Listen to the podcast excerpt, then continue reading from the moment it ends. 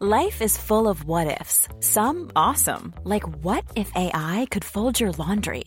And some, well, less awesome, like what if you have unexpected medical costs?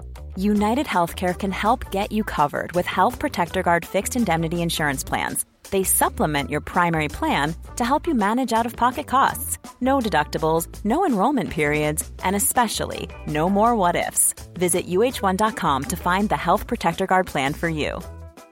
Ever catch yourself eating the same flavorless dinner three days in a row? Dreaming of something better?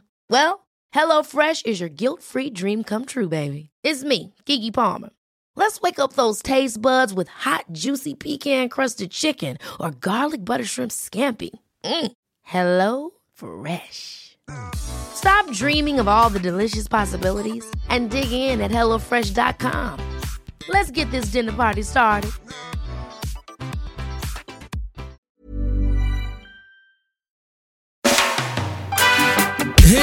Välkommen till podcasten I väntan på katastrofen. Eh, Jag heter Kalle Zackari Wahlström och den andra rösten som ni snart kommer att höra tillhör Patrik Sellman. Hej Patrik! Hej Kalle! Hur mår du Patrik? Jag mår eh, jättebra faktiskt. Det är, mm, ja, det är spännande år, så är det ju. Vi drar hem mycket kurser här hemma och sådär. Och det bör, våren börjar närma sig och bina flyger. Och jag har fått utökat min djurskara nu igen här lite grann. Börjat med det. Kläcker ägg i kläckskåpet. Och, ja, det är roligt. Det här får mig att tänka på en tweet jag läste igår. Det var en kvinna som skrev Hur kan ni boka resor? Det pågår faktiskt ett krig i Europa. Då tänker jag på dig nu Patrik. Du, du pratar ju, det låter ju som att eh, livet eh, är som vanligt för dig. Ja, jag, jag lever ju ett sånt liv och har en sån livsstil. Så är det ju. va. Det är ju... mm, Alltså det, det är ju lite märkligt där i och med att vi har ett beredskapsperspektiv på det så låter det ju liksom sådär, eh, ja, du vet, oroligt och liksom. eh, Men alltså vi håller ju bara på med massa roliga grejer, eller hur Kalle? Alltså, eh, eh, kan man säga att det du beskriver är den gamla brittiska eh, eh, postern Keep calm and carry on. Ja, jo, vi har ju pratat om det förut. Men jag, jag tänker vi kan ta ett lite inledande snack just om det där med oro. För eh, jag hör ju från andra nu att det är mycket oro då. va Och eh, nej, men att det ska dämpas och så vidare. Vi, vi har ju hamnat i den här situationen nu att vi, folk har inte förberett sig i huvudsak då. Va? Så är det ju. Och nu känner de att oj då, det kanske jag skulle göra. Men så är det ju så här att, ja, de här små beredskapsbutikerna som säljer några milorpåsar påsar i veckan. Nej, de har ju inget lager. Till, de kan ju inte ligga på stora lager ifall det skulle bryta ut ett krig i Europa helt plötsligt. Och så vidare. Va? Du Och, tänker på till exempel Prepbox-försäljarna runt om i Sverige. Ja, bland annat. Eh, Ja. Nej, men det är ju så. Eh, man kan ju inte sitta med en organisation som är beredd på en omsättning som blir 5-10 gånger större över natten. Så är det ju också. Va? Nej. Men eh, det gäller ju alla butiker och det är ju verkligen ett just in time-samhälle och det är ju inte konstigt. Men jag tänker just det där med oron ändå, att folk är så oroliga att folk ska bli oroliga. Jag, jag tror det är viktigt när man har med vuxna människor att göra, att man faktiskt pratar som vuxen till vuxna människor och inte liksom tar det här att man ska Alltså man måste kunna ha en rak kommunikation i alla fall. va?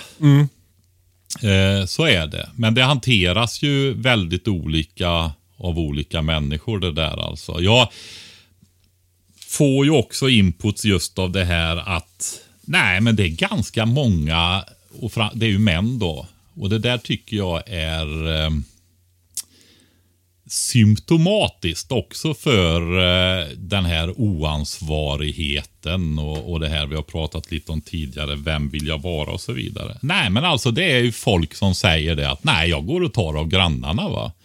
Mm. Eh, och det är inte så ovanligt faktiskt. Och eh, vad är det de säger de här ofta unga männen då? Och de säger ju egentligen att ja, jag planerar överlagda rån och kanske ännu värre. va?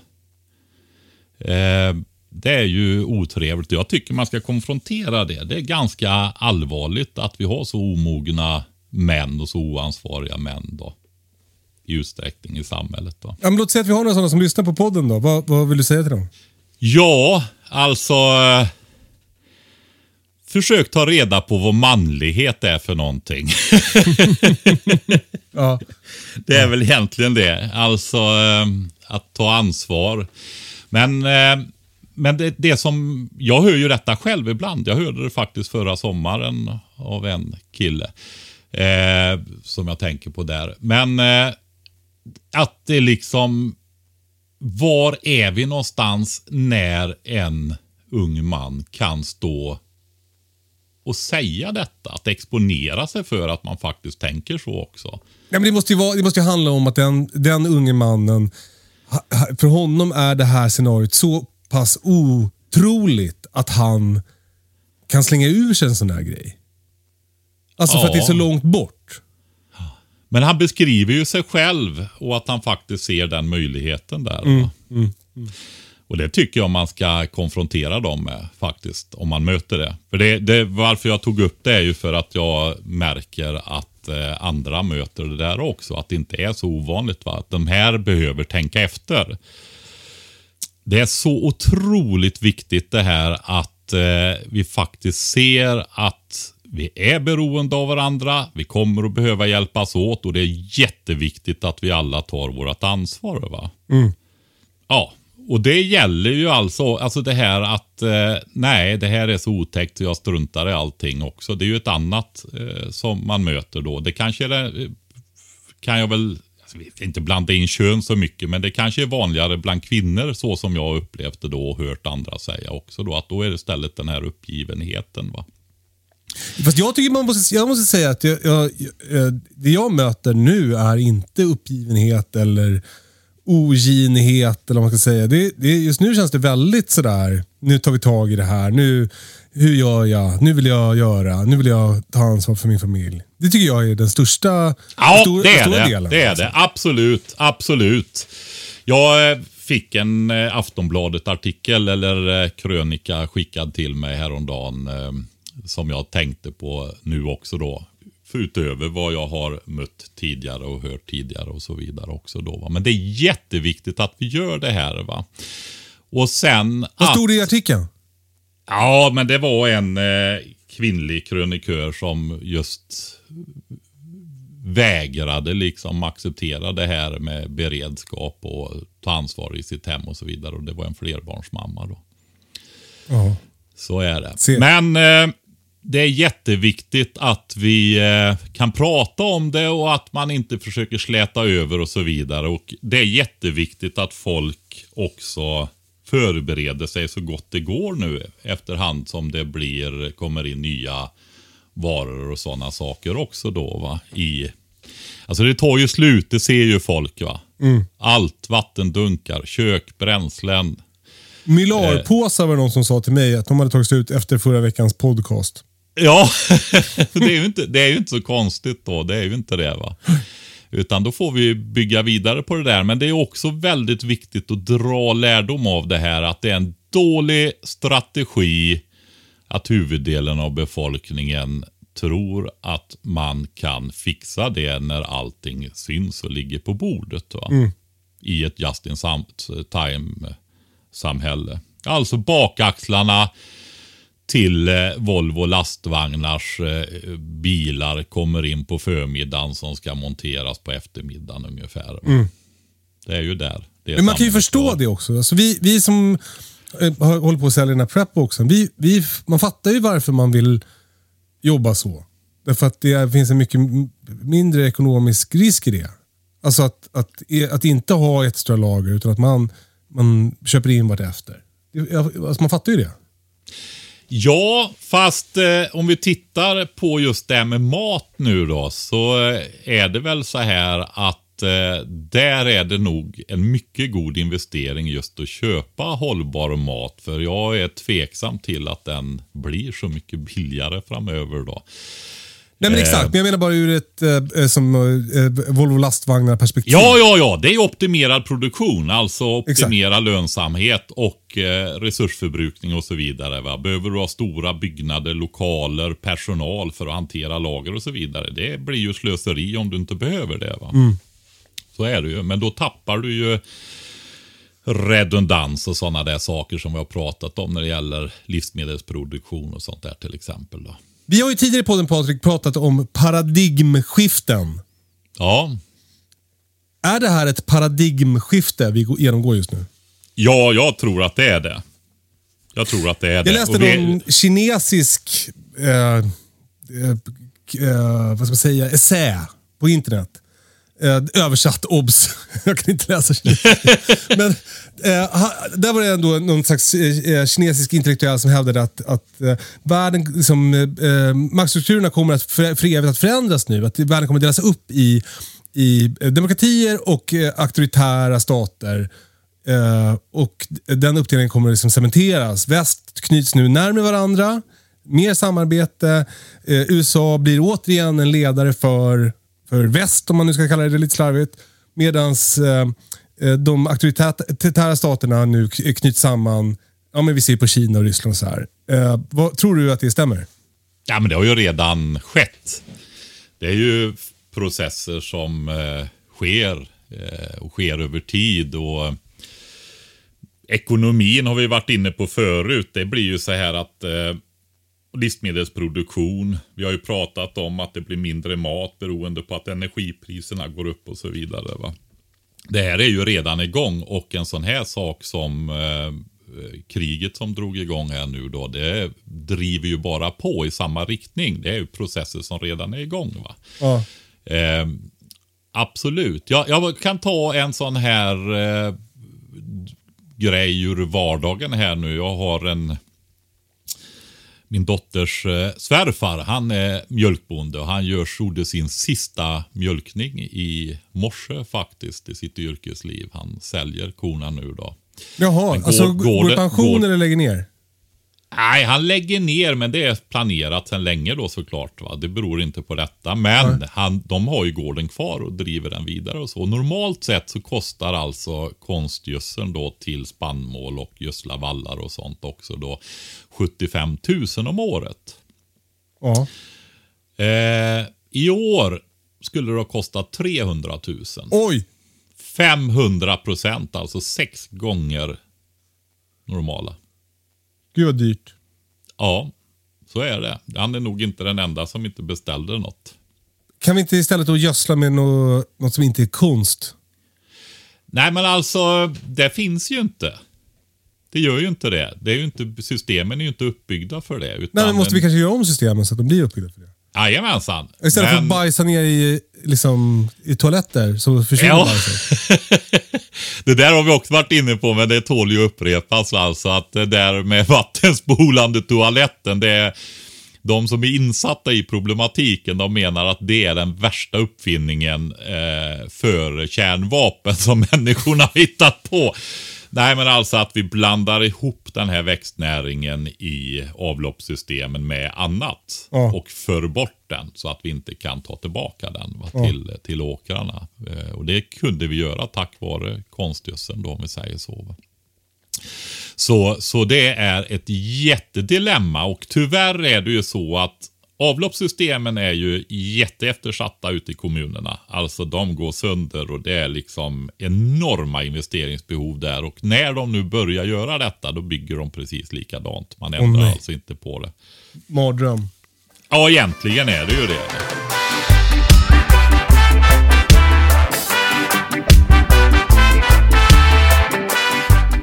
Även denna vecka är kolonialvaror.se sponsor av programmet och vi har eh, fått till ett samarbete där ni lyssnare får 10% rabatt med koden beredskap. Detta erbjudande gäller fram till den 22 mars.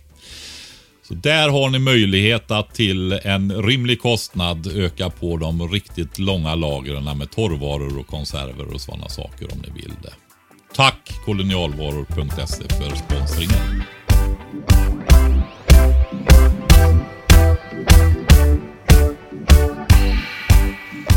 I förra veckans podcast så pratade vi, vi gick igenom sju steg mot en bättre hemberedskap. Eh, vi försökte dela in allt vi har pratat om i podden under ett års tid i sju enkla punkter. Så att alla ni som nu äntligen har valt att ta tag i det hemberedskap skulle få det liksom lite bättre, lite mer lätthanterligt, paketerat. Eh, vi uppmanar er att ta tag i ett område varje dag under veckan. Och nu har det gått en vecka, så nu är ni klara. Så nu har ni bättre hemberedskap. Jävligt skönt, eller hur? Ni har fixat eh, eh vatten, eh, så ni har eh, lager med vatten. Ni har eh, tänkt igenom hur ni ska samla er familj i händelse av en kris och också tänkt igenom hur ni ska göra och tänka om ni behöver evakuera ert hem. Och då vad ni ska ta vägen och vad ni ska ta med er och sånt där. Ni har tänkt igenom hur ni ska hålla värmen, ni tänkt igenom vad ni ska äta, ni har tänkt igenom första hjälpen, ni har tänkt igenom hur ni ska eh, ladda batterier och telefoner och få information. Och ni har tänkt igenom brandsäkerheten hemma. Skönt! kan vi bocka av det. Men, vi glömde några saker Patrik, eller hur?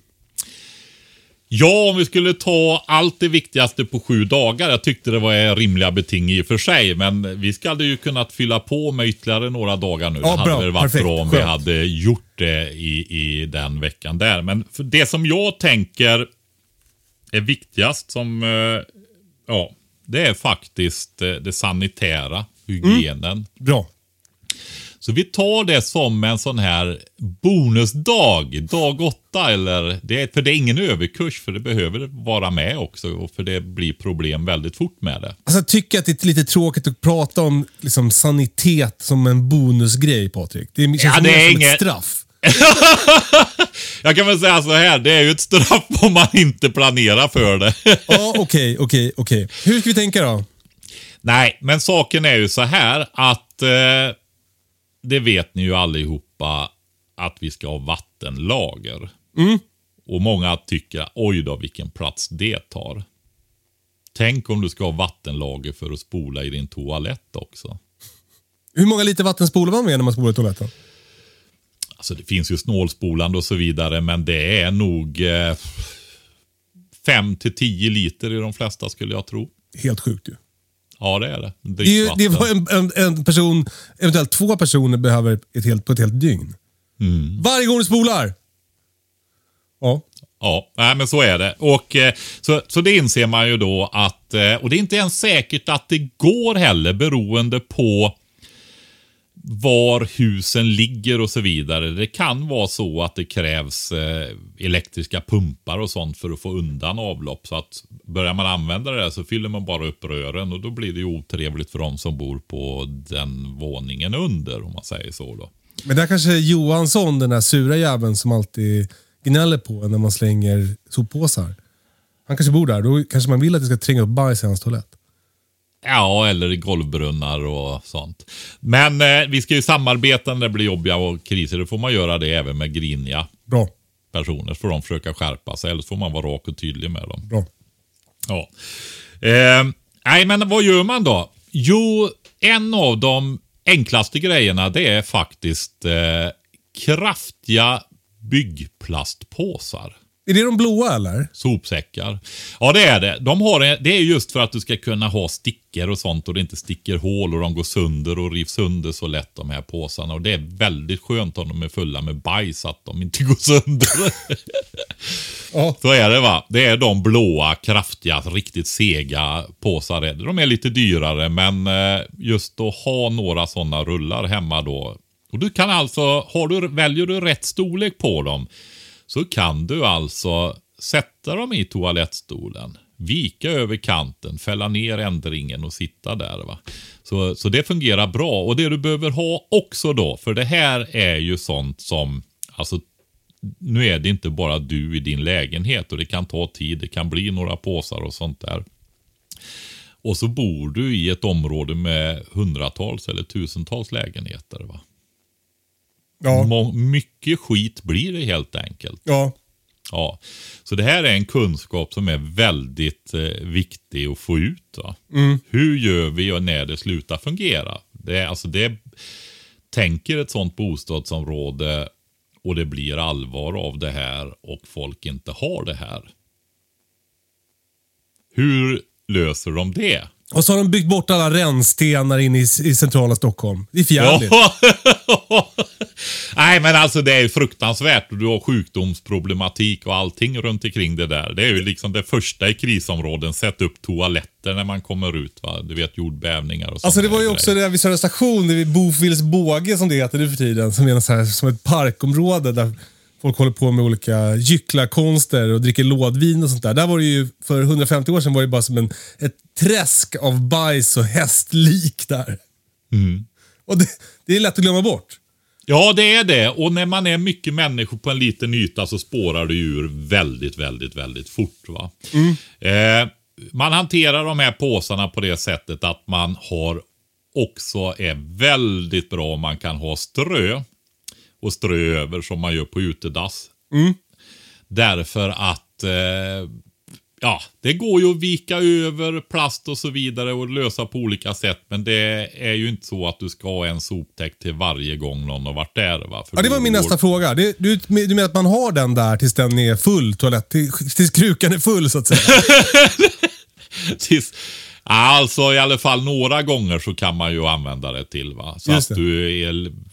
Eller vill du, klart, vill du använda det en gång, ha en jäkla massa soppåse, sopsäckar hemma i Ja, men för det var det jag tänkte. För jag tänkte direkt att, man, att att det var en engångsgrej. Då kändes det onödigt med en så stor sopsäck för att trycka ner toaletten. Det känns mer som en avfallspåsegrej. Ja, precis. Eller då, hundbajspåse var det någon som frågade mig om. Ja, men det, så- det känns lite svårt att pricka. Alltså de tänker sig väl mer att du ska plocka upp det med den då. Men då behöver du ju ha något ställe där du ska göra rent och så vidare efteråt. Inte vet jag om de har tänkt sig någon hink eller någonting och plocka upp det med sen då. Eller jag vet inte. Kanske om någon har någon bra lösning så berätta gärna den. Men när du säger strö då Patrik, då, Mm. då ska vi förklara det här med, med eh, kolet och kvävet igen. Ja, och vi kan väl också säga så här att det är ju jättebra om man kan göra nummer ett, alltså urinera någon annanstans. Ja. För det börjar ju lukta väldigt mycket. Och också Om- väldigt tungt att bära. Ja, det är det. Och eh, det löser ju upp och gör att det blir någonting helt annat om det nu skulle bli något hål någonstans och så vidare i påsen. Va? Men eh, eh, om du strör också så absorberas ju eh, eventuella vätskor och så vidare med hjälp av det här ströet. Då. Så är det. Och eh, jag vet inte om det hinner komma igång så jättemycket men det dämpar ju då, lukterna i alla fall om du lägger strö över. Ja, men precis. För det vet man ju om man har eh, höns. Som kanske Ja. flera av er har. Alltså det luktar ju starkt och så lägger du in lite eh, ny halm och då slutar det lukta. Ja. Och, och det är då för att halmen är kolrik och Mm. hönsbajset är kväverikt, eller hur? Ja.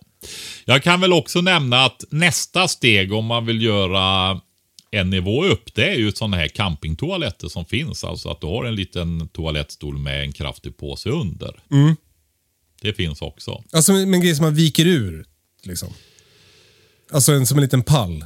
Ja, det är en pall i princip med en ändring på och möjlighet att fästa en, eh, en påse under helt enkelt. Eh, Jag hade en vattenskada en gång i en fastighet. Gud vad det lät som att jag var vuxet det lät. I vår gamla, vårt gamla torp. Eh, på toan, så vi kunde inte använda toan på nio veckor eller vad det var. Och då hade vi en sån där. Den hade också en, en, det var en, en så här sep, separett, heter det? Alltså att kisset åkte till en, ut genom en slang. Bort liksom. Ja, precis. Är, vad, är det en ute... Eh, dass-Isak? Nej, utan det här var en sån här, som en, en hopfällbar en liten palltoa med en Ja, påse. ja, ja, precis. Och Men då det fanns också eh, att den separerades så att man hade en slang med kisset Mm. som åkte åt, åt sidan. Ja. ja. Det är ju steg två om man säger så. Om man vill satsa. Är man många så kan ju det vara värt att, att eh, skaffa sånt i bostaden då som en reserv. Den går ju också att ta med på något sätt och sånt också om man skulle behöva den i andra sammanhang. Va? P-grop och B-grop, heter det så? Ja, Är det någonting som vi jobbar med? Ja, men det är ju mer om du är ute eller om du bor på landsbygden och så vidare och inte har ett utedass. Ja, för det var det jag tänkte lite för, för min familj här. Att det skulle kunna funka. Alltså för, och för er som lyssnar då, P-grop är då piss. Det här är en- som man håller på med när man är militär, tror jag. Jag är, jag är inte militär och aldrig Jo, det är det ju. Det Men då, då är det p- pissgrop och bajsgrop. Alltså att man har ett specifikt ställe. Så att, för annars är det lätt att alla går och kissar överallt. Och då blir det lätt äckligt. Men om alla gör det på samma ställe så blir det bara ett äckligt ställe i lägret. Ja, det är ju just om man är många också. Mm. Eh, Så är det. Alltså det räck, många, det räcker ju egentligen att man är några stycken. Springer alla runt och kissar överallt så blir det ju ganska, luktar det och blir ganska fort otrevligt. Va? Det är bra om man gör det på ett ställe då. Mm. I det militära just när man låg i, i stora tält och 12 eller 20 man i ett tält och det var kolsvart ute och man kan inte hålla på med ficklampor och så vidare. Så ehm, är ju den, då står det, är det en grop grävd ute till vänster utanför tältöppningen. Alltså inte där man går in direkt utan lite till vänster. Där det är en pinne i. Och gärna med någon form av utmärkning på då. Så när folk behöver gå upp och kissa i mörkret så kan man i princip gå ut visst antal steg och svänga vänster. Och så står du vid den där pinnen där och så. För då får du det där. Men B-gropen då, den är ju alltså i utkanten av förläggningen då. Va? För det har också med sanitet att göra och sådana här grejer. För ja, tittar du på jägarbaserna som vi hade så skedde ju matlagning och sånt inne i den förläggningen också. Och då på sommaren och sånt har du problem med flugor och så. Då är det jätteviktigt att man täcker över när man har varit där och sånt också. Så det inte kommer flugor som sen flugorna flyger någon annanstans. Och så har du magsjuka på allihopa där då. Va? Blä. Ja, Du, den är där pinnen, kan man kalla den för p-stav då eller? Okej, eh, men då har vi de här sopsäckarna och eh, de, de, man kan sätta eh, en sån sopsäck i, i sin vanliga toalett. Eh, man, man har något att strö över. Och det går ju att ta torrt gräs väl? Ja, det skulle man kunna tänka sig. Nu, jag, ska jag vara riktigt ärlig så har jag ju inte... Där jag är så kan man ju strö lite aska, man kan strö lite sågspån och sådana här grejer över. Va? Men Ja. jag är rätt säker på att det finns en eh, marknad för köpta produkter där. Men det har jag faktiskt inte kollat upp.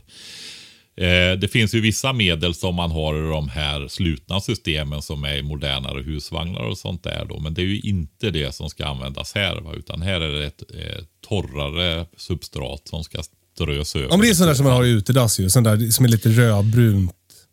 Ja, det finns att köpa, eller hur? Ja. Ja, precis. Eh, men eh, det kan vara bra att tänka igenom. Och sen kanske någon typ av buntband, så kallade kattstrypare för att försluta säcken sen. Ja. Och vad gör man med den sen då? Ja, alltså du eh, måste ju förvara den någonstans och eh, ja, en- så är du i en lägenhet långt upp i luften. Alltså, det känns ju så här att det är inte bra att ställa ut dem i trappuppgångarna precis, utan eh, har man balkonger så tror jag det är det lämpligaste stället att ställa dem på. Har man hund, kan en, en idé vara att låta hundarna äta upp det? Nej, Nej? det tror jag inte. Och jag tror inte de, jag tror de skulle må dåligt av att äta för mycket sånt också faktiskt. Tror du det? Ja, det Alltså jag, tror jag. jag läste den där gamla hundevolutionsboken. Där, stod det att hundar har utvecklats för att typ, eh, framförallt äta bajs från barn i, i, i läger förr, liksom, för 10 000 år sedan. Ja men alltså så är det ju. Det är ju som rävar och sånt också. De äter ju andra djurs avföring för att ta vara på det som restnäringen som finns i det. Så är det ju. Det är ju den typen av djur. Hunddjur gör ju det. Okrok, då har vi det. Är det något mer med hygien och så här som du vill ta upp? Ja, det är det. Och det är faktiskt det här jag tänker på yngre familjer, ungare, yngre människor och så vidare. Kanske gäller andra också, men det är just det här att ha möjlighet att städa och hålla rent på annat sätt än med elektrisk utrustning, dammsugare och sådana grejer. Att man faktiskt ser till att man har någon form av sopborstar, eh, eh möjlighet att våttorka och sådana grejer. Specie och det, alltså allt sånt här är ju viktigare om man är fler. Och det, det tillhör ju också det mentala. Att om man kan, för det brakar ju ihop ganska fort. Eh, speciellt om man kan, tänk, alltså skillnaden är ju att man är borta hela dagarna. Helt plötsligt kanske alla är hemma. Det är det som är vårt problem här tror jag. Vi är hemma för mycket. Kaos! Nej, men alltså. Jag drar en parallell tillbaka till värnplikten igen. Jag kommer inte ihåg hur många vi var på varje logement. Om vi var 12 eller 16 eller vad det var i logementen. Och du vet, vi var ju ute och vi blev leriga och grisiga och alltihopa. Va? Alltså vi var tvungna att ha perfekt städat till frukost, till lunch, till middag och efter kvällstjänsten. Det skulle alltid vara ordning där. va. Och jag Mm. tänker alltså, tänk om vi inte hade hållit efter det där och befälen hade varit så stränga och det hade börjat grisa ihop och var grus och kladd och klet och grejer. Va? Utan nu var allting, det gjorde ju att det blev trevligt där trots omständigheterna. Då. Mm. Är man många på en liten yta så är det väldigt viktigt att hålla ordning då och städat och hålla, hålla det uppe. Nu lyssnar ju inte Björn och Essa på podden. Men eh, vad tycker du att jag ska säga till dem för att få dem att städa? Alltså jag vet inte. Jag, eh, jag brukade göra så här när vi städade. Att jag gjorde det till en happening. Jag var själv med mina barn för hustrun låg borta halva veckorna och utbildade kokerskor på sjukhusköket i Säffle. Och det, det jag kommer ihåg det var liksom att vi satte på ACDC, Thunder och så varvar jag städningen och dammsugare och dans och grejer med att de fick springa hinderbana i taket över eh, stockarna där och sånt där till musiken och så. Du vet, det var ju skitroligt att städa när vi höll på. Prova den eh, approachen så kanske fungerar. Ja, bra. Ja, Testar vi det. En grej som Britta alltid påminner mig om eh, när jag pratar beredskap är ju, eh, hon brukar säga att jag glömmer, är ju eh, att mensskydd. Ja. Att det är en sån här grej som, som är lätt att, att glömma bort i den här eh, eh, beredskapsvärlden. För att den är tyvärr, eh, i alla fall historiskt sett, ganska mansdominerad. Eh, men så, så det är ju också en grej att tänka på. Ja, alltså det är det ju överhuvudtaget personlig hygien. Du kan ta det här möjlighet att raka sig också. Det har ju vi verkligen tänkt på Patrik. Ja, men jag kan också säga så här efter att ha provat på det där när det grisar ihop sig. Alltså så uppfräschande, så... Eh, alltså också en mental grej. Just det här att kunna våtraka sig. Och känna den här fräschören och det där. Eh, när vad- kanske övrig, övrig hygien inte är på topp. Vad, så. är en apokalyps om man inte får ha ett apokalypsskägg Patrik? Alltså, ehm, jag kör ju med väldigt stort skägg eh, nästan jämt då. Men eh, det är ju inte alla som har så stort och fint skägg som mig. Nej. Eh, nej. nej, men folk rakar ju sig och har och så vidare. Va? Det blir klåda och allt möjligt för folk. Va? Så att jag eh, som har stort skägg, jag har ju faktiskt riktiga gammaldags eh, rakhyvlar. Jag har även rakknivar då såklart. Men eh, Såklart. ja, med vanliga traditionella rakblad till då. Med ganska, ganska hyfsat lager. En annan grej som, som känns som att det är lätt att få tag på idag, men som skulle vara jobbigt att få tag på eh, om man inte kan handla, är ju tandborste och tandkräm. Jag tar lite, alltså grejen mycket när vi pratade den där sju dagars, då pratade vi ju en till två veckor.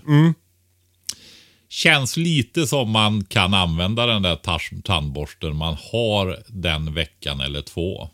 Om man har tappat bort den då? Ja, då, förhoppningsvis så har du ju reserv hemma. Jag vet inte om folk har det. Jag, så, så tar vi ju så här då. Jag som har ett betydligt mycket längre perspektiv. Jag har ganska många tandborstar hemma. Så är det ju. Ganska många tvålar och, och eh, schampo och eh, skurtrasor och svabbar och ja, så. Så är det ju. Men igen, är- på, på i horisont, tidshorisonten en till två veckor så är, eh, då är det viktigare att kunna ta bajsa någonstans än att eh, kunna byta tandborste. Ja, byta tandborstet, borsta tänderna. Alltså alla sådana här saker. Är det oroligt, stökigt, det viker på vanliga grejer och så, så blir en sån här sak som att upprätthålla de här små vardagliga rutinerna och sköta om sig och så vidare blir väldigt viktiga. va. Så ska inte underskatta sådana saker. Det är lite som vi har pratat om det där med att ha favoritfilmen på mobilen nedladdad till barn och kunna hålla igång mobiltelefonen och sådana såna där grejer. Det är också en grej som, som de, alltså, man får så här ögonblicksbilder från Ukraina. Att det verkar vara, folk verkar hamna i, alltså man, man, om man följer krigsrapporteringen från kriget, då är det ju som att det känns väldigt som att det är som, man handlar om olika stridsvagnar och artillerield och sånt där. Men så läste jag någon som beskrev att de flyglarm som gick, jag kommer inte ihåg vilken stad det var, och att det satt en familj och mamman satt och jobbade på datorn och barnet satt och kollade på iPad. Och de var så här: okej då går vi ner i källaren igen. Och så går de ner och så var farmor långsam och så sa de så här, skämtade de och sa att ja, kriget kommer ta slut innan hon hinner ner och så här. Alltså det verkar som att, att, att man i en sån där hemsk, hemsk nödsituation, krissituation hamnar ganska snabbt i att försöka upprätthålla någon slags vardag. Normalitet. Ja. Alltså eh, när man hör berättelser, vi pratar ju om det här med flickan som lekte i trappuppgångarna och det här hur de förnekade eh, att de skulle bli inringade i Sarajevo under jugoslaviska inbördeskriget. För någon vecka eller två sedan, jag kommer inte ihåg vilket det var då. Det. Men andra lärdomar som man hör, alltså tandkräm. Ja. Alltså eh, att få tandkräm och få använda det. Alltså det var väldigt värdefullt. va. Ja men det vet man ju själv, alltså, om man har sovit ute i skogen, vad, vilken otrolig skillnad det gör att få borsta tänderna på morgonen. Alltså vad, vad, vad man känner sig, i alla fall jag känner mig väldigt redo av det. Tänk när vi hade legat ute en vecka och grisat runt och genomsvettat lite. Du vet, det är ju inget, det är så stenhård fysisk belastning och så vidare. Va? Sovit dåligt och så fick vi gå till en... Alltså att Tross, tross och eh, kompaniet eller skvadronen då hade gjort i ordning en återhämtningsplats. Va? Och i snön gjort i ordning och gjort granbäddsstigar och så. Där så fick vi klä av oss och så fick vi gå till ett ställe och de använde koket till att värma vatten. Oj, oj. Så stod det andra liksom och hällde några liter varmvatten i en plåtburk med hål i så fick man duscha i det här alltså. Ja men alltså, livet återvänder va. Alltså solen skiner, allt är så underbart och så mycket energi kommer tillbaka. Alltså sådana, alltså i ett vanligt perspektiv så otroligt enkla små grejer kan betyda så mycket. Va? Det, och det, de behöver man när det blir besvärligt. Så är det. Så förbered dem. Du Patrik, eh, en eh, annan grej som flera lyssnare har hört av sig och sagt att de tyckte att vi glömde i förra veckans podd eh, är det här med eh, kontanter. Ja, det har de hört. Det har vi inte med i Prepbox-listorna heller. Det, vi kommer, jag undrar om jag eller om det föll undan. Jag kan vara jag som missade det när jag gjorde ordning dem. Men eh, Alltså det är inte att vi har lagt kontanter i vår prepbox utan vi har, vi har listor på grejer man ska ha hemma. Ja, precis. Folk kan känna sig jättelurade. Det var inga kontanter i lådan som ni sa. Ja, precis. Nej, men eh, det är faktiskt så här att jag tror inte man... Det, okay, man kan absolut ha kontanter hemma, det tycker jag. Och jag tycker man ska använda kontanter också. Därför att egentligen är kontanter verkligen en beredskapsfråga också. Va? Och vi, speciellt vi i Sverige har ju kommit väldigt långt i det kontantlösa samhället och det är bekvämt och så vidare. Man kan ta andra aspekter på det, men tittar man på en beredskapsgrej. Kommer du ihåg det här med Konsum när eh, de blev hackade en vecka och inte kunde Alltså det fanns inga reservsystem. Alltså tänk vad lätt att bara haft block skriva manuella eller ha ett manuellt system i kassorna och så vidare så att man kan köra detta sen. Läsa in det efteråt. Ja. Hantera kontanter. Men då vill det ju till att folk har kontanter också. Men kruxet är så här. man kan tänka sig scenariot, till exempel cyberattack, där just bankomater och det är svårt att komma över. Men alltså grejen är att betal, då kan du ju använda kort fortfarande. va. Eh, det är ju så att det måste gå ner betalsystemen totalt även i butikerna och då kan inte de hantera eh, kontanter så bra på många ställen. Va? Det är Ja. ju så. Och ehm, ja, jag pratade med en man här faktiskt för någon vecka sedan som verkligen försöker använda kontanter och det blir svårare och svårare och svårare och svårare att göra det. Va? Ja, de få gånger jag gör det, så, du brukar alltid fråga så här, går det, får man betala med kontanter? Det känns som en, en artighetsgrej nu för tiden. Alltså, Ja, det men känns som det att man, man utsätter dem för ett problem. Liksom. Ja, precis. va. Och, ja, det är ju så också för att eh, små företag med det är höga avgifter för dem när de kommer med kontanter till banker och sånt och ska in det på kontona och sånt där också. Va? Så att det är ju det är ju ett, kontanter är ju ett dyrare system egentligen att hantera, så är det ju. Va? Men det är ju beredskapsperspektiv så är det ju viktigt. Och har man kontanter hemma så är det ju faktiskt så här i alla fall att man kan handla med varandra med hjälp av kontanter. Till exempel. Va? Just det. Så att ehm, det är nog inte dumt att ha lite grann hemma då, men ehm, samtidigt så kanske man inte ska ha en övertro på det då. Nej, men vi pratade ju för några veckor sedan om till exempel att vinterutrusta bilen. Nu känns, ju det, nu känns det ju vårigt ute, så nu känns det avlägset. Men, men, eh, och det var också innan, innan kriget, vilket också gör att det känns väldigt avlägset. Men det, var, det är ju saker som kanske... Liksom, det är ju vardagsberedskap. Alltså, alla ska ha en skyffel i bilen när man kör på vintern. För att om man kör i diket så tar det inte loss utan en sån. Och, och eh, kontanter kanske liksom är mer på den planhalvan. Att det är mer grej, alltså det är en grej som du behöver ha alltså, för ditt vanliga jävla liv.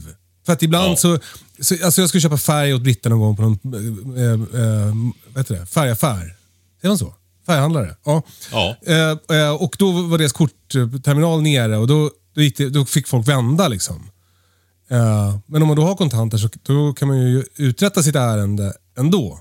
Det gick att göra det där ja. Ja, precis med kontanter. Ja, exakt. Ja, precis. Alltså jag har, det, eh, ta en mental aspekt på detta också. Eh, jag, alltså nu kan, så sitter man och pratar rätt ut här om personliga grejer. Alltså, hej kom och råna mig. Alltså kom inte och råna Patrik. Han är instruktör i en pistolskytteklubb.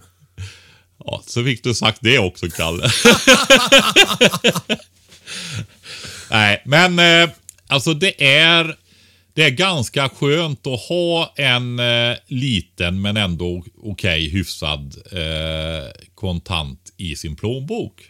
Det känns bra, alltså att man eh, har det. Eh, man vet att man har det.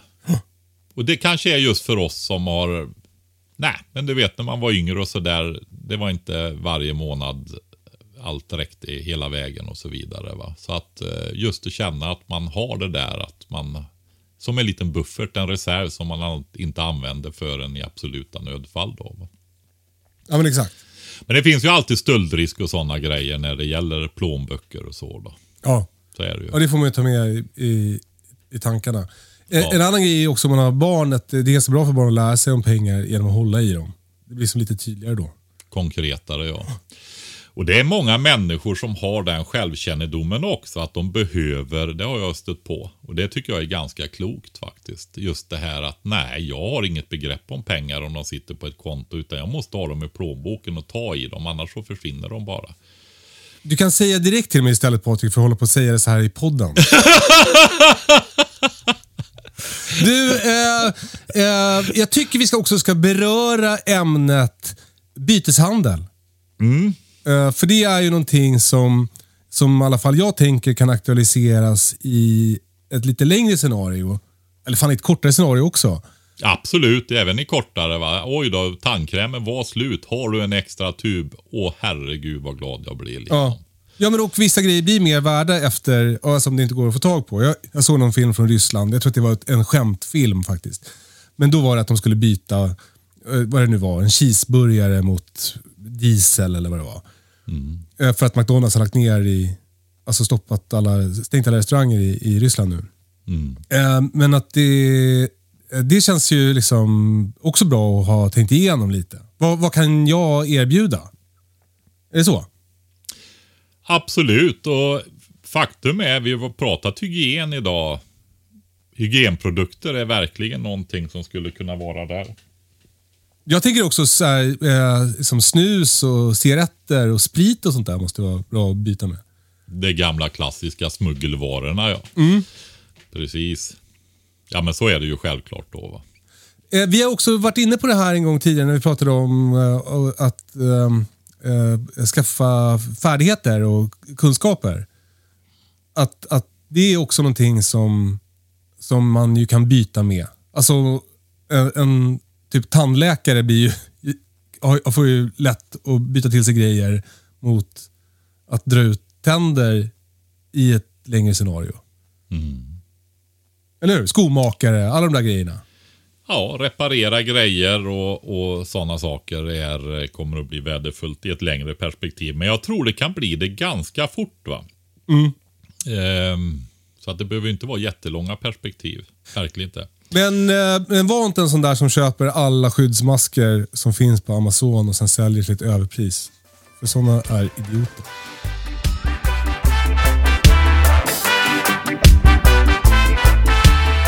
Patrik, Ja, eh, du har skrivit i ett sms till mig att idag vill du prata om Victory Gardens. Är det ditt nya eh, eh, trädgårdsföretag? nej. Alltså jag har med det, men jag har också med odlingslotter, kolonilotter och så vidare i det där. Ja, berätta. Folk börjar ju bli medvetna om det här med, som vi var inne i början, just in time-samhället. Alltså det är ju så här, lagret i butiken är i princip bara det som är i hyllan. Ja. Och så sitter, när det säljs, du har alla lagersaldon och alltihopa i butikens datasystem. Mom deserves the best, and there's no better place to shop for Mother's Day than Whole Foods Market. They're your destination for unbeatable savings, from premium gifts to show-stopping flowers and irresistible desserts. Start by saving 33% with Prime on all body care and candles. Then get a 15-stem bunch of tulips for just $9.99 each with Prime. Round out Mom's menu with festive rosé, irresistible berry chantilly cake, and more special treats. Come celebrate Mother's Day at Whole Foods Market. Life is full of awesome what ifs, and some not so much, like unexpected medical costs. That's why United Healthcare provides Health Protector Guard fixed indemnity insurance plans to supplement your primary plan and help manage out of pocket costs. Learn more at uh1.com. Hey there, it's Michelle Norris. I'm host of a podcast called Your Mama's Kitchen. When I travel, I'm usually looking for a way to find a taste of home when I'm not at home. And one of the things I love to do when I am at home is entertain. And Airbnb allows me to do that. When I was in California recently, I rented a house that had a great kitchen. And when we were sitting around the table, we're all thinking, we're in someone else's house. Someone could be in all of our homes as well. If you have a home, but you're not always at home, you have an Airbnb. Your home might be worth more than you think. Find out how much at airbnb.com/slash host.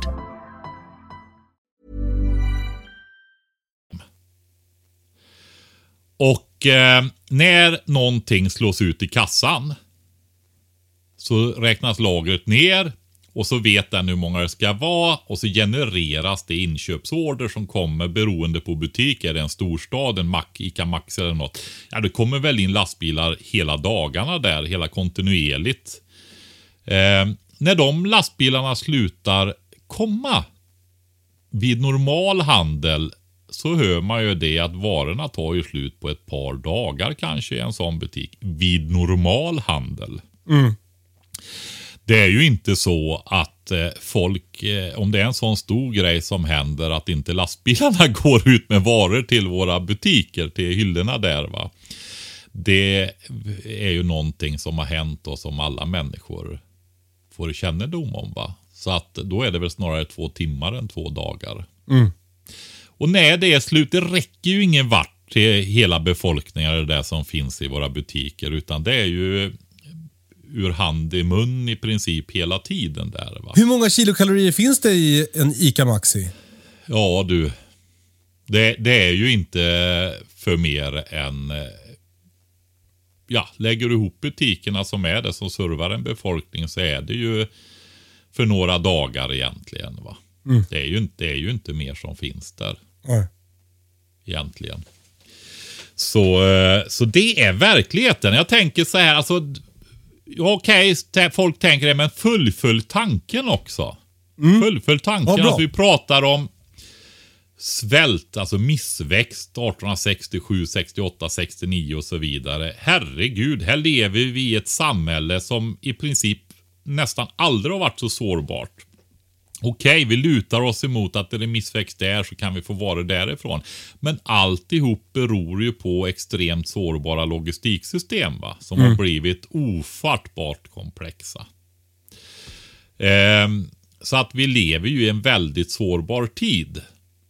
För allvarligare störningar så är, men alltså då är det inte fråga om att det var missväxt i somras så att det kanske kärvar eh, med maten om ett halvår eller någonting sånt där va. Utan här kärvar det om ett par tre dagar va. Ja, så är det ju. Eh, så att man... Jag delade en artikel i eh, händelser på Instagram-kontot där. Det är ju ingen nyhet, men det skrevs nu igen då. Det är, söker man på beredskapslager Sverige och så, så får du ju upp ett mängd artiklar som sträcker sig flera år tillbaka i tiden här. va. Så det, det finns inga lager. Det gör inte det. Det är alltså, köp det. Ja, hemma hos dig finns det ju. Ja, men alltså beredskapslager är ju de gemensamma lagren på samhällsnivå som vi hade gigantiska. va. Det har vi ju pratat om tidigare också där det fanns, eh, ja, det fanns lager av allting. Och produktion och avtal om att kunna upprätthålla eller ta upp produktion och man skulle ha lager för att ta upp produktion de här företagen och så vidare. Va? Alltså, tiotusentals företag hade de eh, avtalen. Men allt sånt är borta. Böndernas silosar där de skulle lagerhålla spannmål. Eh, och så vidare. Både till djurfoder och till människoföda och sånt där. De är borta. Allt sånt är borta. Alltså det som var organiserat som beredskapslager. Men framförallt så är det ju så. Vi har, visst har vi en produktion i landet av livsmedel och sånt. Bara spannmålsproduktionen är ju dubbelt så mycket kalorier än vad vår befolkning behöver. Va? Men om du inte har diesellager, du kan inte distribuera det där, du kan inte få ut det för det finns inte någon plan eller Alltså planer kan finnas ibland men en plan hjälper ju inte mycket om man inte har förberett sig också genom att till exempel lagerhålla reservdelar, service och så vidare till, till lastbilar och bränsle och sådana saker. Va? Just det. Det är som jag, just det här jag såg eh, Livsmedelsverket eh, kollade kommunerna nu då. Och så visade det sig att knappt hälften hade en plan för hur de skulle hantera livsmedel i kris. Alltså tänkte jag det, plan? Ja. I en perm längst in i arkivet så Livsmedelsverket ska godkänna dem då. Eller då ja. Och de Ja. andra ska hyra en dyr konsult och så göra en plan då och ställa längst in i arkivet i en perm. Men har de någon beredskap för det? Alltså plan måste man ju göra och, och gå igenom och så vidare. Speciellt i stora organisationer och sånt där. Men sen måste man ju också vidta åtgärder. va Ja. och ja, kommun med alla sina bitar. Men det är inte så. Grejen är det att nu försöker de också på en begränsad marknad bättra på det hela. Va? Så de är ju också med där och i, inom situationstecken tummer hyllorna nu när huset brinner. Va? Så eh, det är så viktigt. Och jag tänker när vi har en så, alltså för mig då som sitter och tittar på detta år ut och år in. Oj, nu gick det, har det gått bra igen. Nu har vi kommit undan med blotta förskräckelsen och allt bara rullar på. På alla nivåer i samhället. Så, eh, alltså det är... Eh, jag vill använda ordet att det är fruktansvärt egentligen hur det är. Va? Och om vi då ska förändra det här så fort som möjligt, då är det snabbaste stabilaste och mest basala grundläggande är att hushållen höjer sin beredskap. Va? Just det.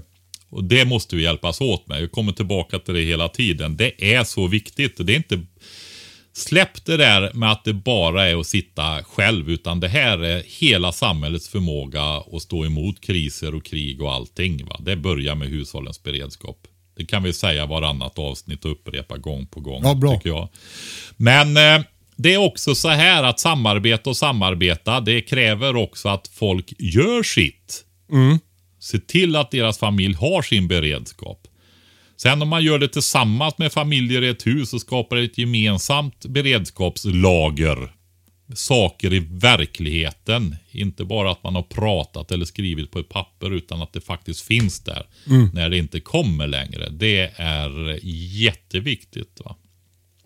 Men jag tänker och skulle vilja dra det där att vi, för nu har vi faktiskt för ovanlighetens skull, vi har ju pratat mycket småbruk eh, under året. Kan man väl säga. Det var mer varit tyngdpunkt på det och så försöker vi fånga upp det här kortare beredskapsperspektivet in emellan. Men nu på slutet har det blivit väldigt mycket det här en till två veckors perspektivet. Och Jag tänker att eh, jag skulle vilja säga till folk så här att eh, om man har funderat på att odla, börja odla grönsaker, att det är liksom ja, lite grann av en dröm att man vill prova det någon gång. Eller att man har en liten odling men har drömt om att faktiskt utöka den lite grann.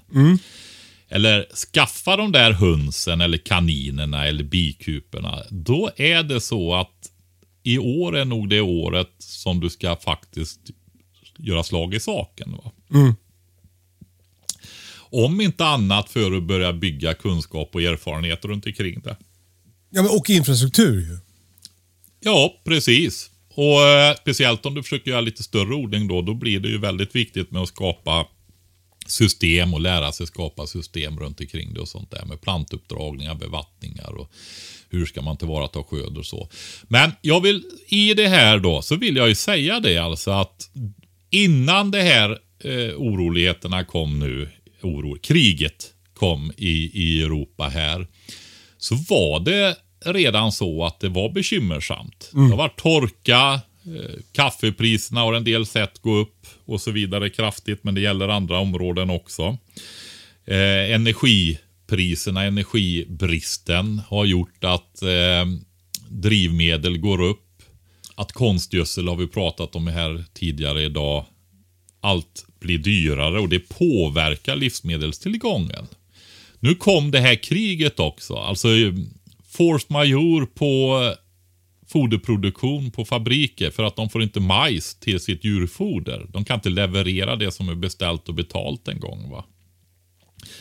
Alltså eh, vi pratar om eh, två riktigt stora leverantörer av eh, spannmål och, och sådana saker till världen här. Va? De har många andra viktiga produkter också i, i Ukraina då. Va? Vi pratar om det här med eh, ämnen till konstgödsel. De har mycket naturgas och sånt och kan använda energin för att tillverka konstgödsel. Eh, och så. Men vad håller oss till mat så, så handlar det alltså om tiotals procent. Va?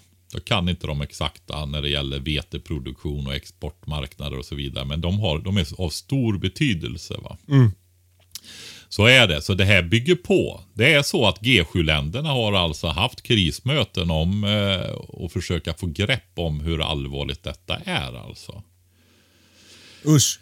Låter Ja, det är ju så. Och i de här, det, alltså det blir ju förmodligen som vanligt. Eh, Jag tänker jag ska säga det, för- men det låter så bedrövligt. Va? Och eh, Det blir ju så att matpriserna stiger mycket.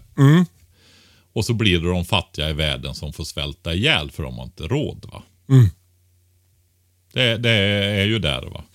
Så får man se hur man hanterar det då på den, den nivån där det går att hantera sådana saker. då. Men eh, matpriserna kommer att gå upp mycket. Och jag vill inte sitta och skrämma upp folk med matbrist och så vidare. Men, eh, men det är ju som jag, vi har ju tagit det med Det butikerna. är nog lite sent Patrik. Ja, vi har tagit det med leveranserna i butikerna där. Alltså du har redan skrämt upp folk. Ja, precis. Men det är, det är ju det där att tala till vuxna försöka vara vuxen och tala till vuxna direkt. Och inte, men tänk efter. Eh, gör det. Och Tittar man historiskt på det här med att faktiskt odla ur ett beredskap eller krisperspektiv så har du något som är känt internationellt väldigt mycket är de som är intresserade av det. Jag tror i de här anglosaxiska kulturområdena så är det nog ett mycket välkänt begrepp också. Det är ju Victory Garden som du nämnde där. Så se, alltså det, det är att man odlade upp alla trädgårdar, parker och allting. I, framförallt under världskrigen då. I, I Sverige så har det ju sin eh, motsvarighet i, ja, även att vi odlade upp eh, eh parker och eh, odlingar i städer och sånt, i trädgårdar och så. Men framför allt också i det här som hade börjat sent 1800-tal för att höja livskvalitet och som sociala projekt och så vidare. I och med industrialismen där så gjorde man ju mycket odlingslotter och att barnen skulle kunna vara i koloniträdgårdar och sådana här grejer. Va? Men de där användes ju också och hade stor betydelse under världskrigen. Va? Mm.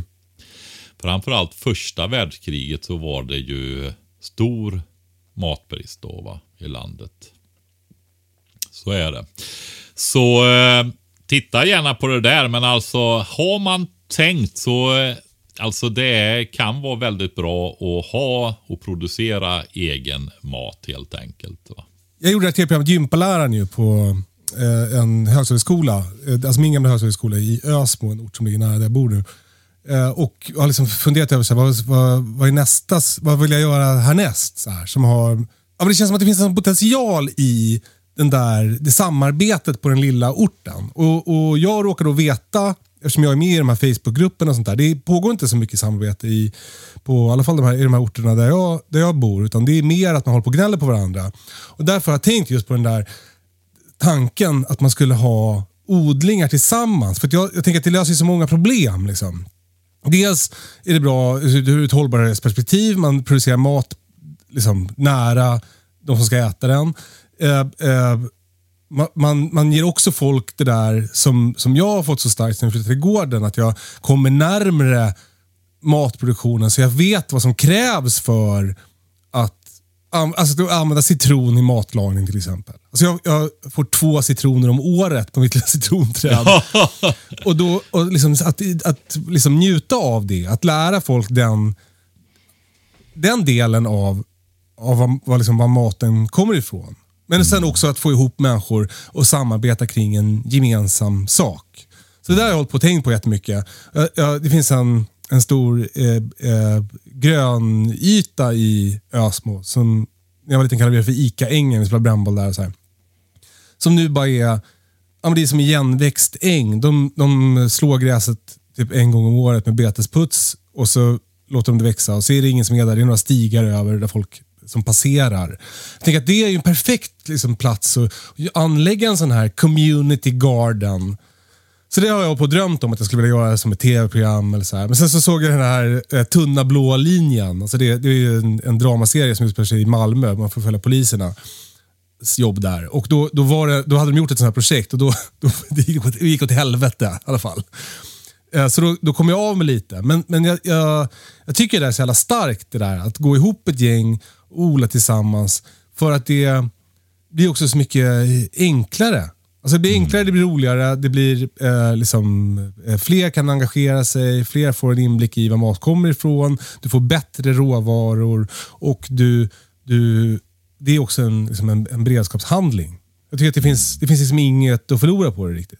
Nej, nej men det är exakt så som du säger. Och, men jag tänker på det där misslyckade. Alltså grejen är ju inte ge upp va. Utan då får man ju lära sig och få det att lyckas helt enkelt och hitta lösningar och så va. Och du får säga grejer som Essa sa i morse. Ja. Eh, Essa hon, eh, hon, fick en, hon förlorade igår, hon fick en cykel. Och nu håller vi på att öva. Hon har inte lärt sig cykla ännu så vi håller på att öva som fan med det. Så här. Jag springer och och håller i sadeln. Och så i, i morse så, alltså, hon började cykla ganska snabbt så jag blir ganska, och så springer jag så här böjd så jag blir ganska trött. Jag sprang liksom, jag cyklade säkert om en 700 meter någonting. Och då är jag liksom ganska slut och då tappar jag koncentrationen lite och då, då så välte hon så här. Och så slog hon i knät i ramen och så fick hon jätteont. Och, men då så sa hon så här. Jag måste fortsätta cykla nu. Jag tänker inte ge upp med att lära mig cykla. Och Det var så jävla inspirerande tycker jag. Hon har fått rätt attityd, Kalle. tänk, tänk att jag lyckades. Eller att vi lyckades med det. Ja, det var ju jävligt det var mäktigt. Ja. Men du, tillba ja, tillbaka till det där du sa där. Va?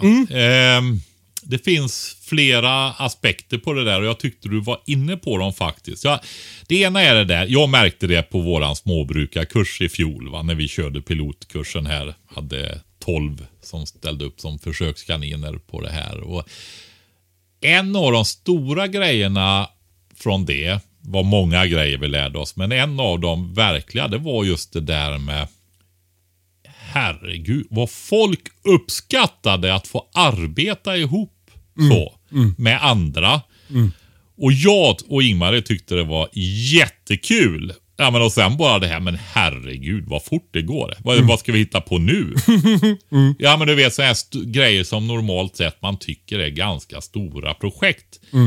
Du hinner knappt organisera det och vända det och jobba någon annanstans. Så måste du liksom leda vidare höll jag på att säga. Ja, ja. Och det, det är även det här projektet jag har med min familj där barn och barnbarn och respektive och sånt kommer hem och vi sätter potatisen tillsammans och skördar potatisen tillsammans. Ja, men alltså jag hinner bara köra upp fårorna så är det klart va. Ja.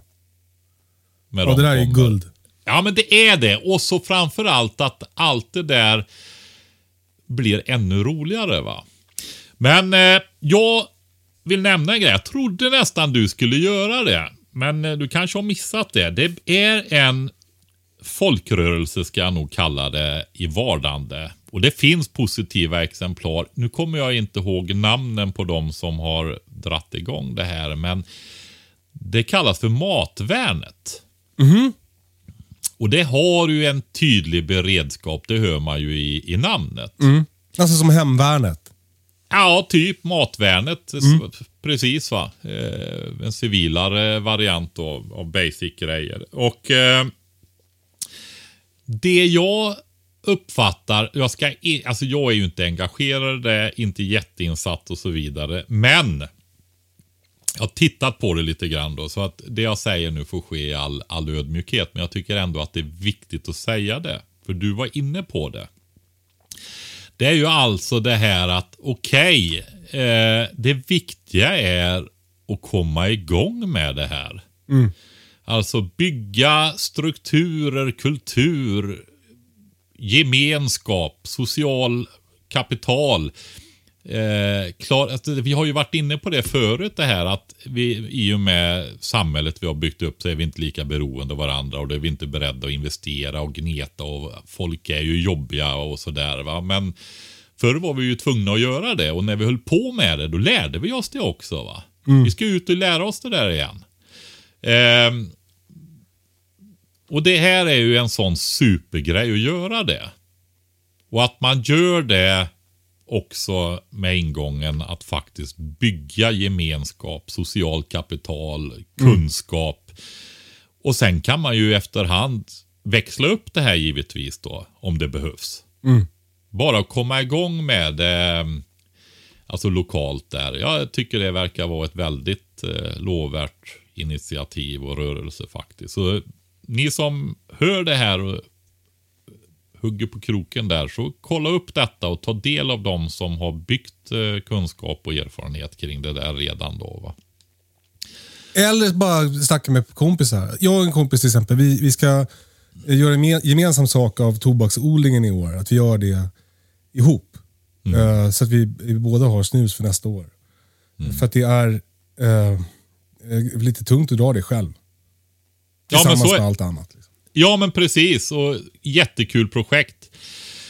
Jag har tagit lite initiala kontakter här också och jag är som du. Jag bara gör. va. Jag är ingen föreningsmänniska och så, men jag vet att många andra är det och vill man göra det i eh, urbanare sammanhang och sådana saker och fixa mark och ja, du vet så här så kan det nog vara så att göra det i någon mer organiserad form kan vara ett bra, en bra metod. Då, va? Och det där har jag också tänkt på, som, alltså, vi har ju så mycket ytor här hos mig. Även om jag, jag, jag gör allt jag kan för att använda varenda liten kvadratmeter av vår tomt. Så, så vi har ju plats. Att det, är därför, det vore så perfekt att ta hit någon som vill ha typ en kolonilott mot att ja, men hjälpa mig med vårbruket till exempel. Ja, det, det, det, det skulle jag vilja göra också. Du, eh, det där tycker jag är en bra grej. Men framförallt också, eh, har du haft funderingar så eh, kanske du ska ge dig en spark i arslet i år alltså och komma igång. För nu börjar ju säsongen vara här och det kan börja bli dags att förbereda och så. Jag tänker så här, Kalle. Kul. In, innan vi slutar nu så skickar jag även en lyssnarfråga till dig. En skri- skriftlig. Jag kanske ska läsa den, vill du läsa den idag? Som du brukar. Alltså det är väl bäst att jag läser den eftersom jag är programledaren. Just det. Okej, Josef skriver så här. Hej, tack för en bra podd. Jag har en fråga om höns. Om det ska bli omöjligt att få tag på foder slash spannmål, vad kan man mata dem med istället? Hur länge, hur länge klarar sig hönor på att enbart picka och äta i naturen och matrester? Hönsrasen jag har är värphybrid. Någon annan ras som är bättre för ändamålen? Hej då, Josef. Ja. Det här med odling och jag nämnde även kaniner, hönor och bin. Eh, som, eh, det är ju de här riktigt eh, villaträdgårds, radhusträdgårds, eh, husdjuren som också kan producera värden i, i en mindre husbehovssammanhang där då. Eh, om vi tar helhetsgrepp över det där eh, så kommer hönorna med där. Men jag börjar med kaniner i alla fall. Och Det som är så, det här är en typisk kristids... Eh, alla har kaniner när det blir riktigt illa. Va? Eh, dels så kan du ju föröka upp dem väldigt fort och de blir könsmogna relativt tidigt och så vidare också. Va? Så att eh, det går att få eh, bra snurr på det där och sprida det bra. Och det också, har man funderat på det så sätt igång det så att man får erfarenhet och sådana grejer. Och det är lätt att skala upp det. Och jag tänker lite grann att ni som har kaniner, var inte rädda för att ta någon extra kull utöver vad som man brukar göra. För jag har en väldigt stark känsla av att efterfrågan på hönor och kaniner kommer att, att öka. Även kalkoner och gäss och, och andra sådana mindre djur också då. Va? Eh, så, så ha det med er. Så att det finns djur till folk som vill köpa och dra igång. Då. Fördelen med kanin då, eh, just det här, det är ju det med gräs. De är otroligt bra grovfoderomvandlare, alltså gräs. Precis som idisslare, kor, getter och får och så vidare, så är de i samma klass alltså. Just det. Så eh, där kan man förse och skaffa foder själv. Slå ängar och dikeskanter och allt möjligt egentligen om man ser det. Om man inte kan skaffa gräs. Va? Torka, slå, slå och torka gräs som vi har gjort här i den här delen av världen hela somrarna i årtusenden. Va? Eh, där har man en jättebra möjlighet med kanin. Sen eh, har man mer snabbväxande raser och sådär så kan det vara bra att tillföra andra fodermedel också då. Det man får se upp med, med kanin är väl att de är väldigt bra just på fibrer och grova grejer och sånt där som i disslarna då. Så att man inte ger för mycket fett, alltså feta fröer eller snabba kolhydrater, socker helt enkelt. Ja, men vi, eh, jag, jag skaffade två eh, kaniner till Essa en gång och då, då råkade jag köpa matkaniner, alltså köttkaniner. Ja, Eh, och de, alltså, som var väldigt skygga och väldigt jättestora. Men då, då sa den jag köpte dem av att de behöver kraftfoder i när de, tillväxtfasen. Liksom. För att annars Ja. så, så, så de kan inte äta gräs så att de klarar sig. Nej, om man jämför då. Jag hade ju Gotlandskaniner här som jag avslutade för några enstaka år sedan här. Eh, Det är ju en sån lantras. Och eh, det som utmärker den, det är att den faktiskt klarar sig relativt bra på hö. Men den växer ju långsamt. Det kanske tar Just det. sju månader för en sån kanin att bli slaktmogen. Medan om du då har en mer snabbväxande, mer kött, köttig kanin också så kan den vara slaktmogen i princip efter halva tiden mot en alltså tre och en halv, fyra månader. Och, och jag tänker att det här får oss in på att svara på Josefs fråga, eller hur? Ja. Eh, ja, men vi- hönor är ju det andra djuret som du också kan föröka upp ganska fort. Då, va? Eh, fler och få eh, producera kött med kycklingar och sånt där. Ha ett, ett begränsat antal över vintern när du måste hålla foder och så. Jag skulle säga han, den avslutade frågan där. Hönsrasen jag har är värphybrid. Någon annan ras som är bättre för ändamålen. Alltså pratar man leva på insekter och maskar och gräs och sånt där. Så räcker ju inte det. Speciellt inte sett över året. Va? Så är det ju. Nej. Men eh, det finns ju de som har ett bättre födosök och levererar ägg även om inte fodret är pellets optimalt. Eh, så va. Och det är ju också lantraserna och varför de som engagerar sig i det håller dem vid liv. Det är just det. De kanske inte ger ett drygt ägg om dagen. Eh, ens om man ger dem perfekt foder. Nej. Men å andra sidan så kanske de lägger eh, fyra, fem ägg i veckan på väldigt enkelt foder. Ja. Medan de andra som kanske ger, lägger sju, åtta ägg i, i veckan, de ger inga ägg alls om de inte har det där pellet. Ja, så, så, så, väldigt generellt sett då. Så att, och det finns andra, andra fördelar med lantraser också. Just det här med födosök och jag Ja, men då- ju, Alltså den där värphybris, jag hade ju några sådana förut. Det, det är ju något som, som, som lite obehagligt med dem tycker jag. De känns ju lite retarderade. Ja, men det kan nog, då har du pensionerade också va? Ja, ja. Ja. Nej, men de...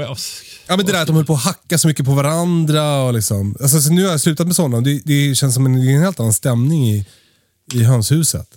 Ja, men eh, vad har de varit? Alltså det är ju så här. Vad efterfrågar? Jag vill ju inte gå in på matproduktion och, och så vidare. Men tänk, har du, är det burhöns du har fått? De har Nej det var det inte. Nej, det var, de hade bott i hönshus. Coop and run. fri, frigående då. Ja. Jo, men då har du å andra sidan jättemycket höns oftast. Ja. Du har rött ljus där inne så att de inte ska se när de blöder lite grann runt när de har lagt ägg och så. Va? Så att de inte hackar på varandra och sådär. Jag vet inte exakt hur det ser ut nu om man har löst orden. Men jag vet att historiskt har det varit så. Eh, så att det, det är ju väldigt speciell. Men det är ju också vad, vad- så. Jag pratade med en eh, granne här, en vän. Och när foderkostnaden gick upp nu och de körde ju pellets då. Som sa, det är ju ingen idé. Jag tror om vi tittar på hur mycket ägg de la här tidigare, de har inte riktigt kommit igång. Va? Men vad foder kostar. Så hon räknar ut att äggen kostar 18 kronor styck liksom, bara i foder. Ja.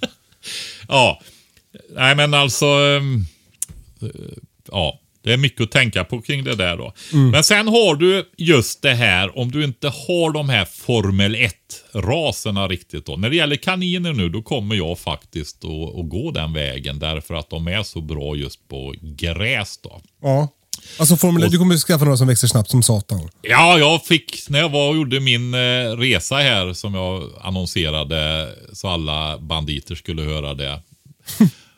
Men det var bara jag som åkte. Min hustru var hemma, så det var ingen som vågade komma.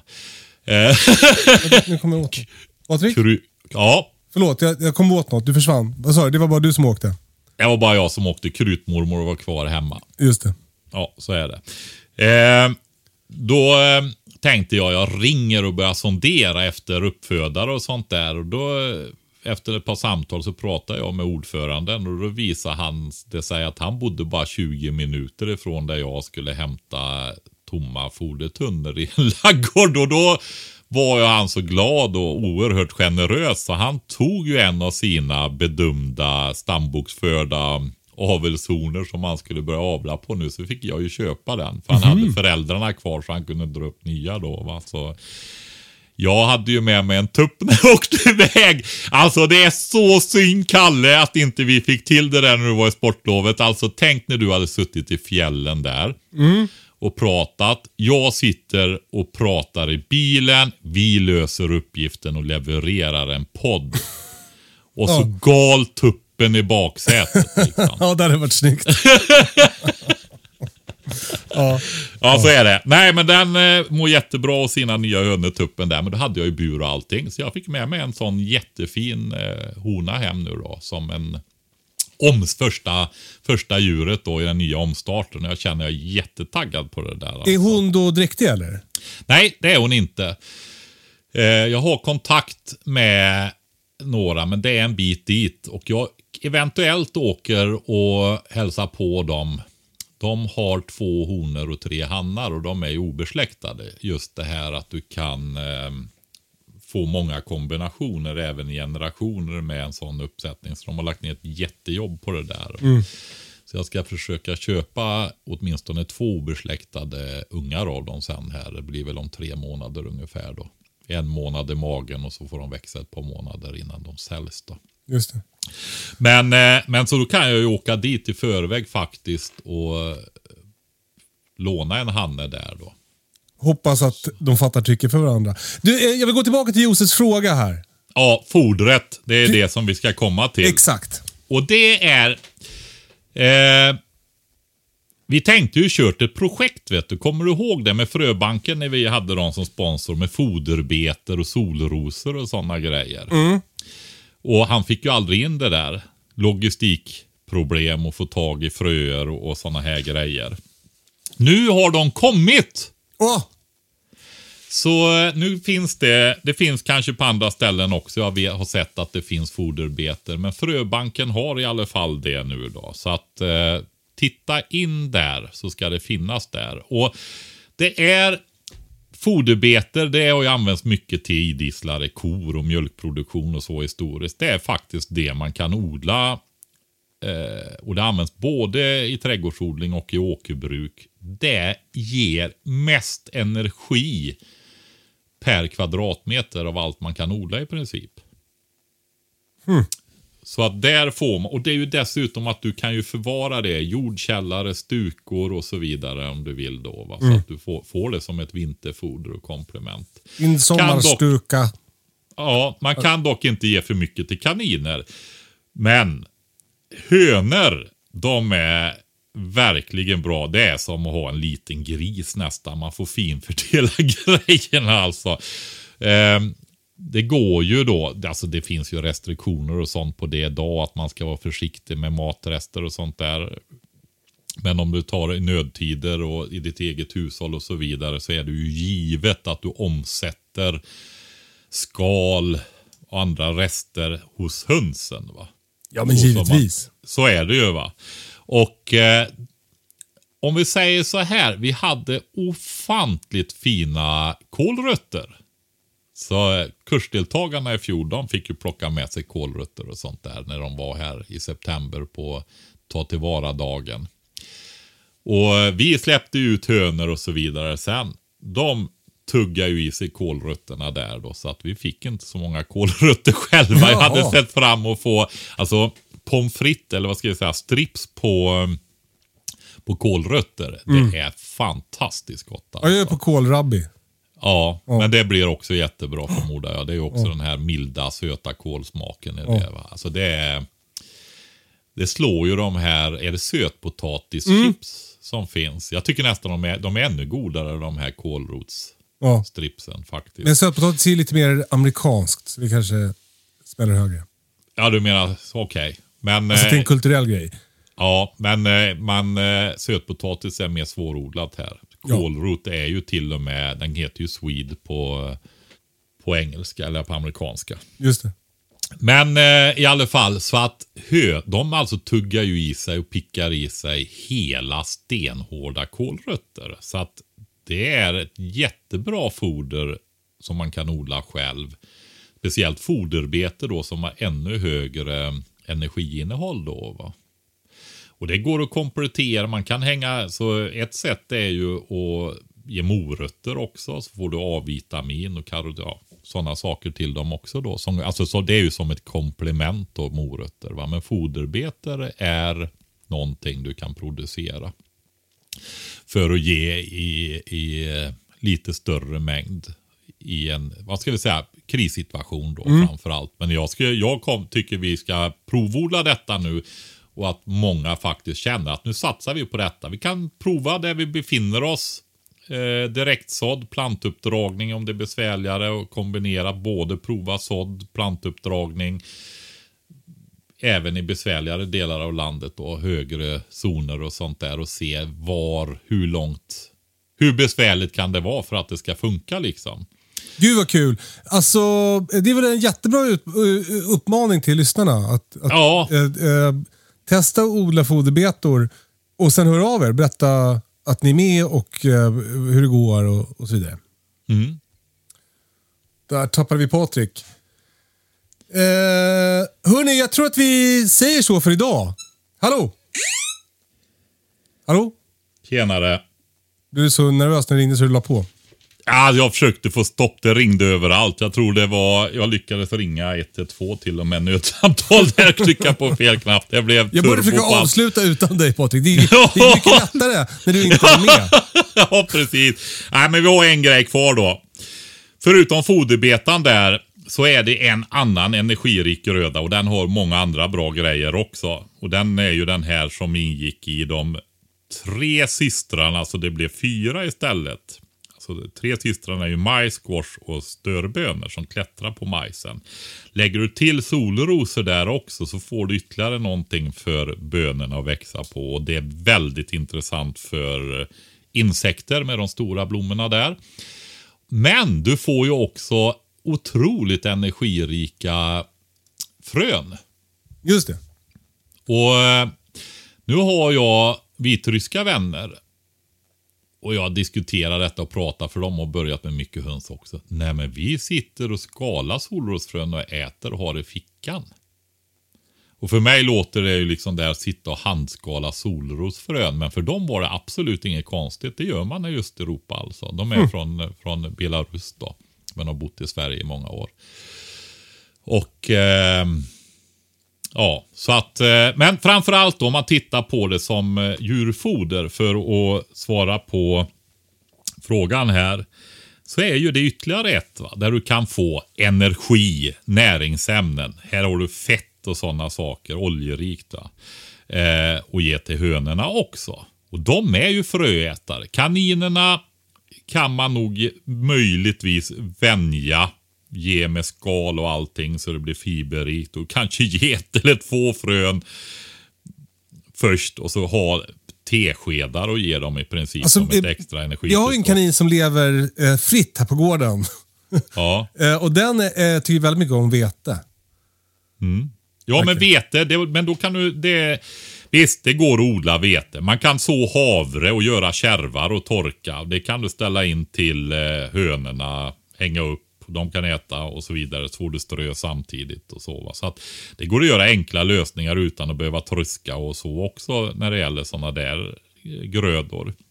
Men jag vill ändå lyfta solrosen.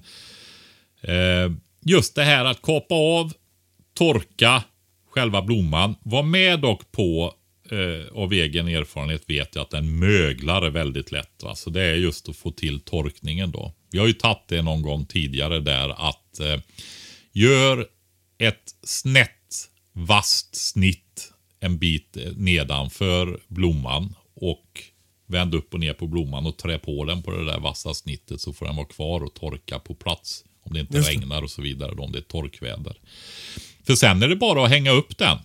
Knyt fast den i den här skälkbiten under blomman och häng den in hos hönorna. Eller lägg den på backen om du vill. Och så pickar de ju loss solrosfrön och äter upp det där. Då. Också ett energirikt tillskott. Men sen har du ju det här vetet igen. Vete är det som du kan lagra längst.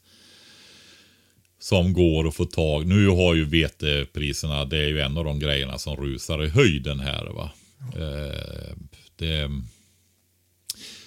blev en av mitt livs bästa investeringar med högsta avkastning på kortast tid när jag köpte vete i höstas.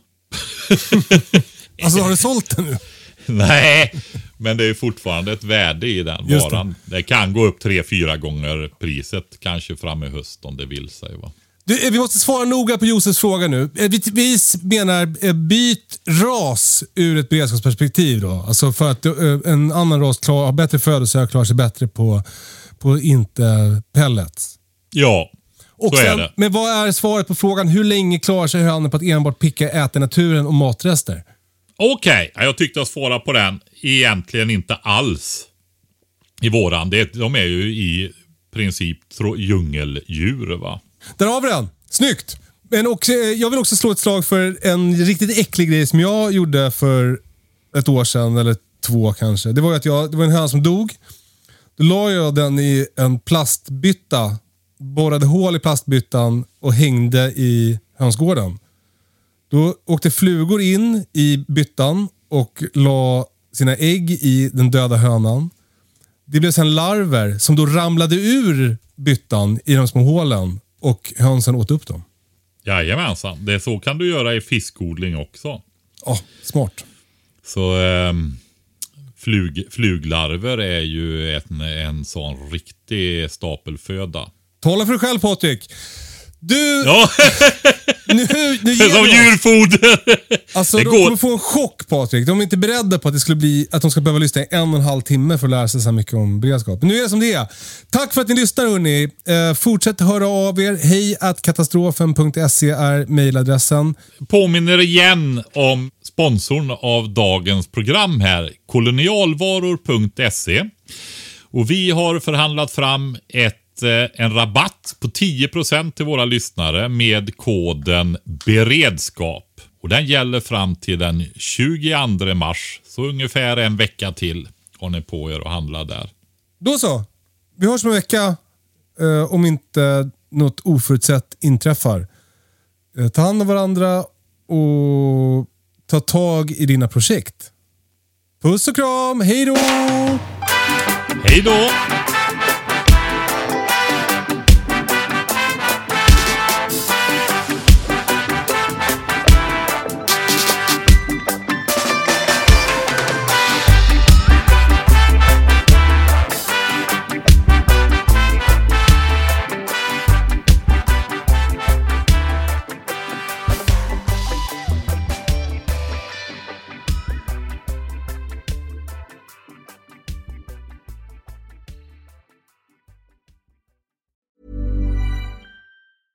Ever catch yourself eating the same flavorless dinner three days in a row? Dreaming of something better? Well, HelloFresh is your guilt-free dream come true, baby. It's me, Kiki Palmer. Let's wake up those taste buds with hot, juicy pecan-crusted chicken or garlic butter shrimp scampi. Mm. Hello Fresh. Stop dreaming of all the delicious possibilities and dig in at HelloFresh.com.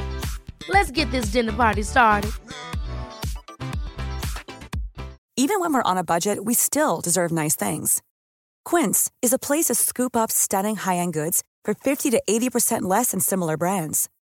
They have buttery soft cashmere sweaters starting at $50, luxurious Italian leather bags, and so much more. Plus, Quince only works with factories that use safe, ethical, and responsible manufacturing. Get the high-end goods you'll love without the high price tag with Quince. Go to quince.com slash style for free shipping and 365-day returns.